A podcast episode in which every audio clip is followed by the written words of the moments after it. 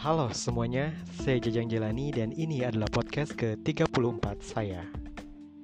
Pada podcast kali ini saya akan berbagi mengenai menjadi pribadi yang open-minded. Saat kita masih kecil, rasanya kita penuh dengan rasa penasaran dan dilingkupi dengan banyak sekali pertanyaan-pertanyaan. Kenapa ini bisa begini? Kenapa itu bisa begitu?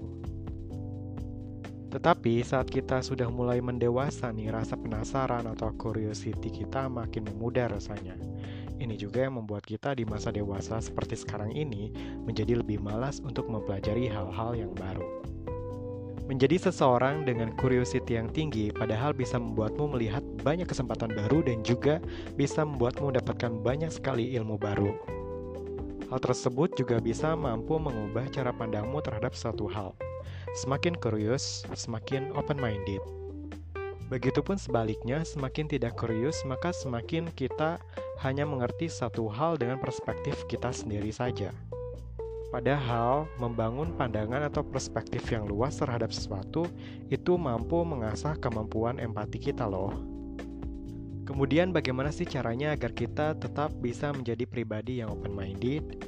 Berikut adalah tipsnya. Tips yang pertama, selalu jadilah penasaran.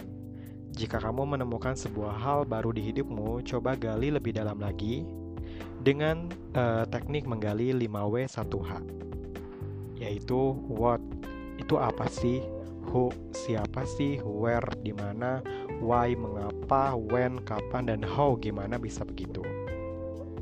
Tips yang kedua, lakukanlah hal-hal baru mulailah untuk menjawab iya atas pengalaman-pengalaman yang baru. Saat temanmu mengajak hiking contohnya, coba jawab iya. Saat uh, temanmu mengajak bakti sosial, volunteering, coba jawab iya. Pokoknya, uh, cobalah untuk melakukan hal, -hal baru di hidupmu. Semakin banyak pengalaman, semakin banyak belajar. Tips yang ketiga, bacalah sebanyak-banyaknya. Catatannya jangan hanya membaca satu hal atau artikel yang cuma sependapat atau sepemikiran denganmu saja. Coba baca juga artikel dari perspektif yang lain. Biar kamu lebih paham sudut pandang yang lain itu seperti apa sih. Tips yang keempat, tips yang terakhir, jadilah gelas setengah kosong. Jangan merasa gelasmu sudah penuh.